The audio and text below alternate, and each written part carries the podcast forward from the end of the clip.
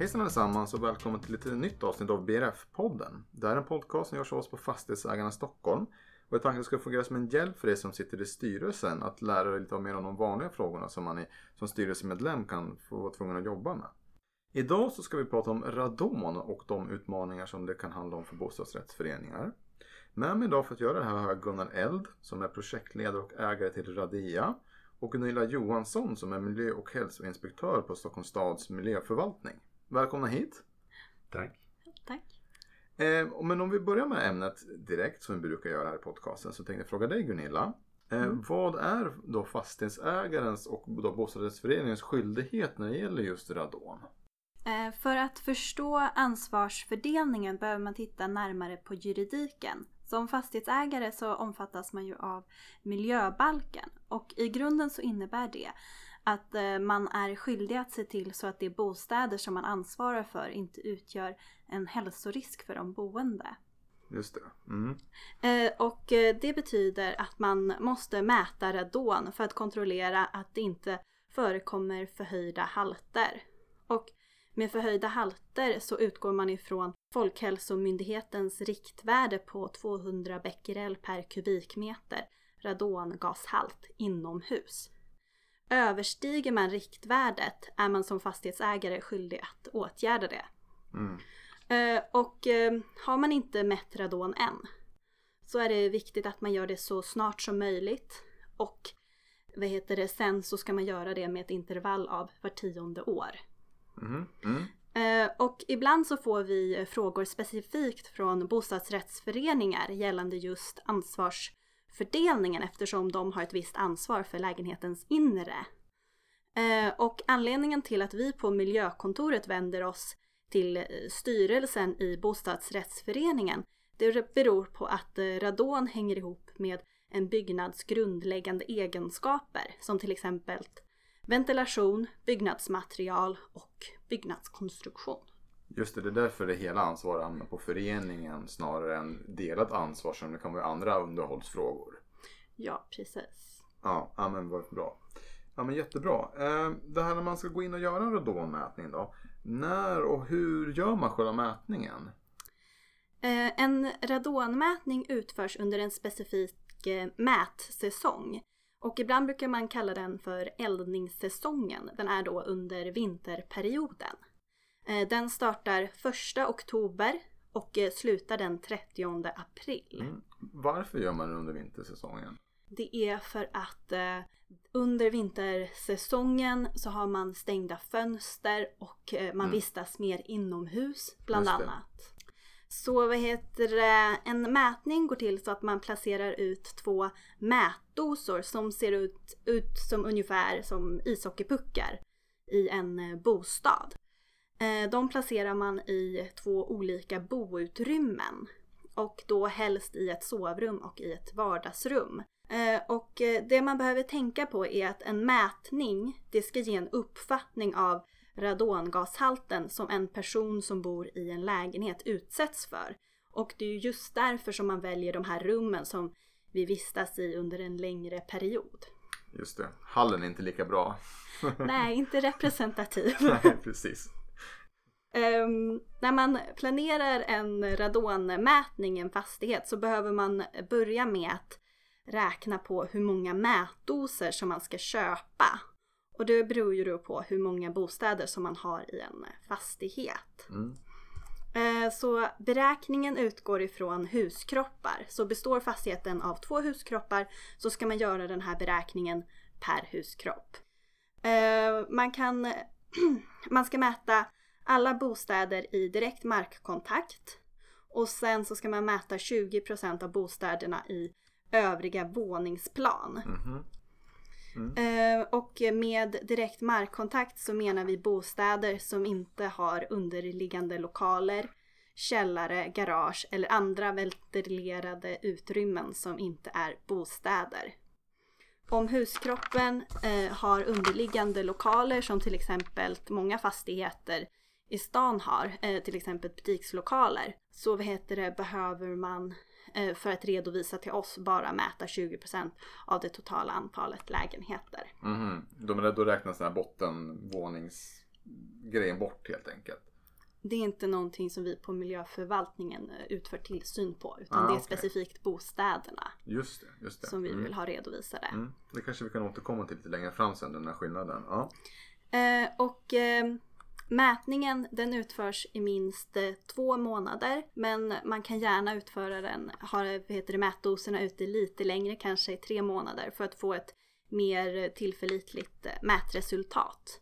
Och eh, det är viktigt att tänka på att de här två månaderna som man har mätdoserna ute i bostaden eh, ska vara under själva mätsäsongen. Mm. Eh, och sen när mätningen är klar då plockar man in de här mätdoserna och så skickar man dem tillbaka till mätlaboratoriet som man köpte dem ifrån.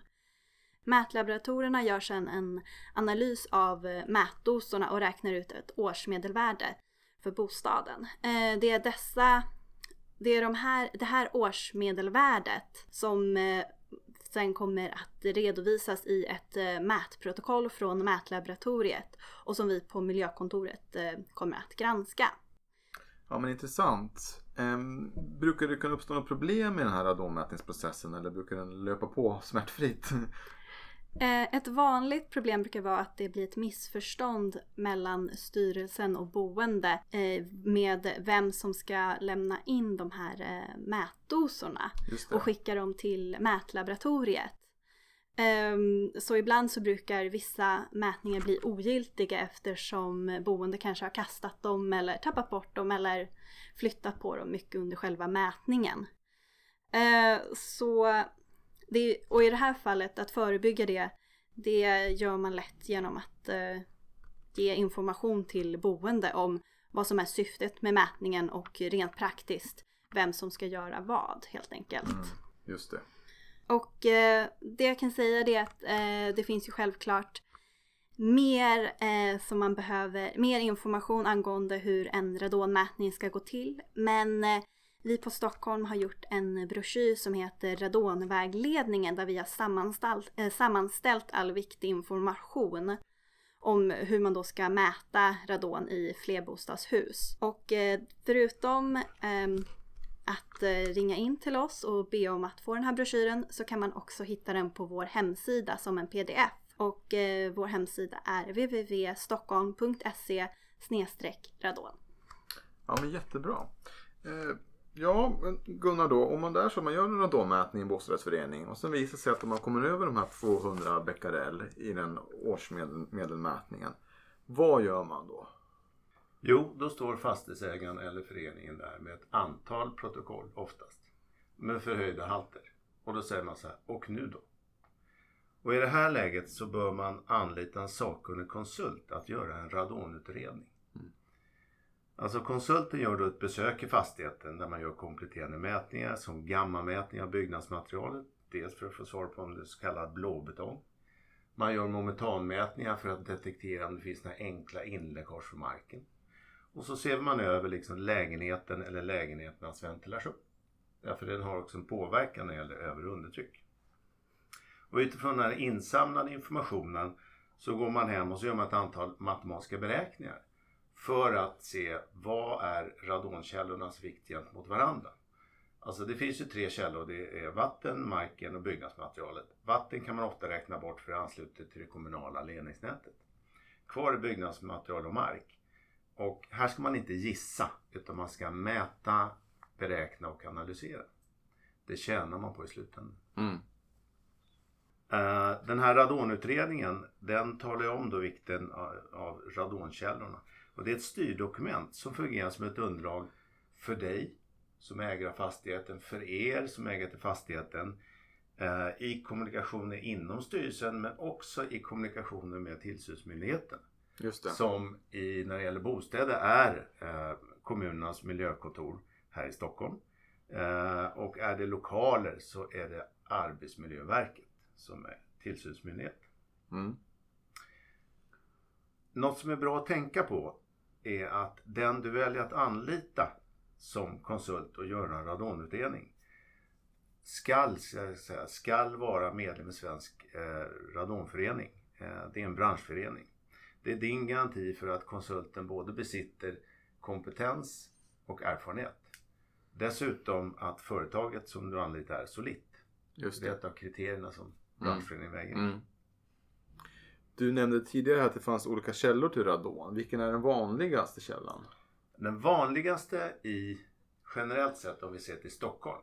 Det är marken, markradon. Det står för ungefär 60-65 procent. Eh, när det gäller byggnadsmaterialet då är det i princip hela södra Stockholm som byggdes på 50-talet. Ja. En del på 60-talet. Där är det huvudsakligen den, den övervägande radonkällan blåbetongen, alltså byggnadsmaterialet. Just det. Och det viktiga här nu när vi pratar om konsultens uppgift att matematiskt beräkna vägningen mellan radonkällorna. Det är att om du inte anlitar en sakkunnig utan du gissar eller du går på någon som du tror kan. Som säger, ja men titta här, det är ventilation. Och så ökar du ventilationen och så visar sig när du kontrollmäter att du får högre värden. Och då har gjort en helt galen bedömning. Man har förvärrat det. Och då står du med två situationer. Det ena är att de som bor där blir exponerade för radon en onödigt lång tid. Och det andra att fastighetsägaren eh, har en, en kostnad som verkligen bara är en kostnad. Mm. Man kan säga så här, enkelt uttryckt, grundprinciperna för åtgärder mot radon är om det är blåbetong, det vill säga byggmaterial radon, då ska man sätta fart på luften, öka luftväxlingen. Och är det markradon, då ska man försöka skapa ett undertryck under husets bottenplatta. Okej. Mm. Så ett exempel där man har gått fel är där man då sätter in en mekanisk frånluftsventilation och inte vet att huvudproblemet är marken. Mm. Då ökar du undertrycket och skapar termiska stigkrafter och suger upp radon. Just det. Jag förstår att det är väldigt viktigt att ha rätt åtgärd mot rätt typ av radon helt enkelt. Ja, Mm. av flera olika skäl. Mm. Ja men jättebra. Vi var inne lite tidigare på när, vi, när Gunilla pratade om det här med lokaler och om man har lokaler i bottenplanen så är det en annorlunda typ av mätning man bör göra enligt staden. Hur är det som bostadsrättsförening och förhållande till sin lokalhyresgäster i kommersiella lokaler? Är det någonting man behöver tänka på där? Ja, det är att tänka på. Eh, lokaler som förhyrs som stadigvarande arbetsplatser. Det kan vara en hårsalong eller kontor eller pizzeria. De ska mätas. På samma sätt som man mäter bostäder och riktvärdet 200 becquerel gäller även för dem. Den stora skillnaden är att tillsynsmyndigheten här är Arbetsmiljöverket. Just det, och inte kommunen. Ja, och Arbetsmiljöverket kommer att komma ut hösten 2016, våren 2017 med direktiv. Mm. Men om man ändå gör en mätning så ta med dem på en gång så har man det klart. Ja men precis. Och det för, för att förtydliga, det är väl att man som fastighetsägare är ansvarig för ventilationen och, och därmed radonet i fastigheten. Det hör till fastighetsägarnas ansvar. Ja, ja men jättebra.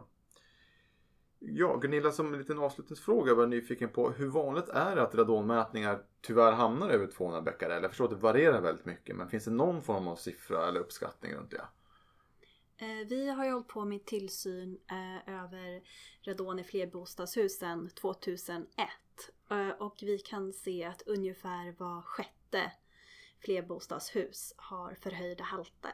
Just det, det är väldigt många fastigheter. Ja. Ja, ja. ja men jättebra. Men det tror jag vi känner oss klara för idag. Tack så mycket för att ni tog er tid att komma hit. Tack! Tack! Tack, tack.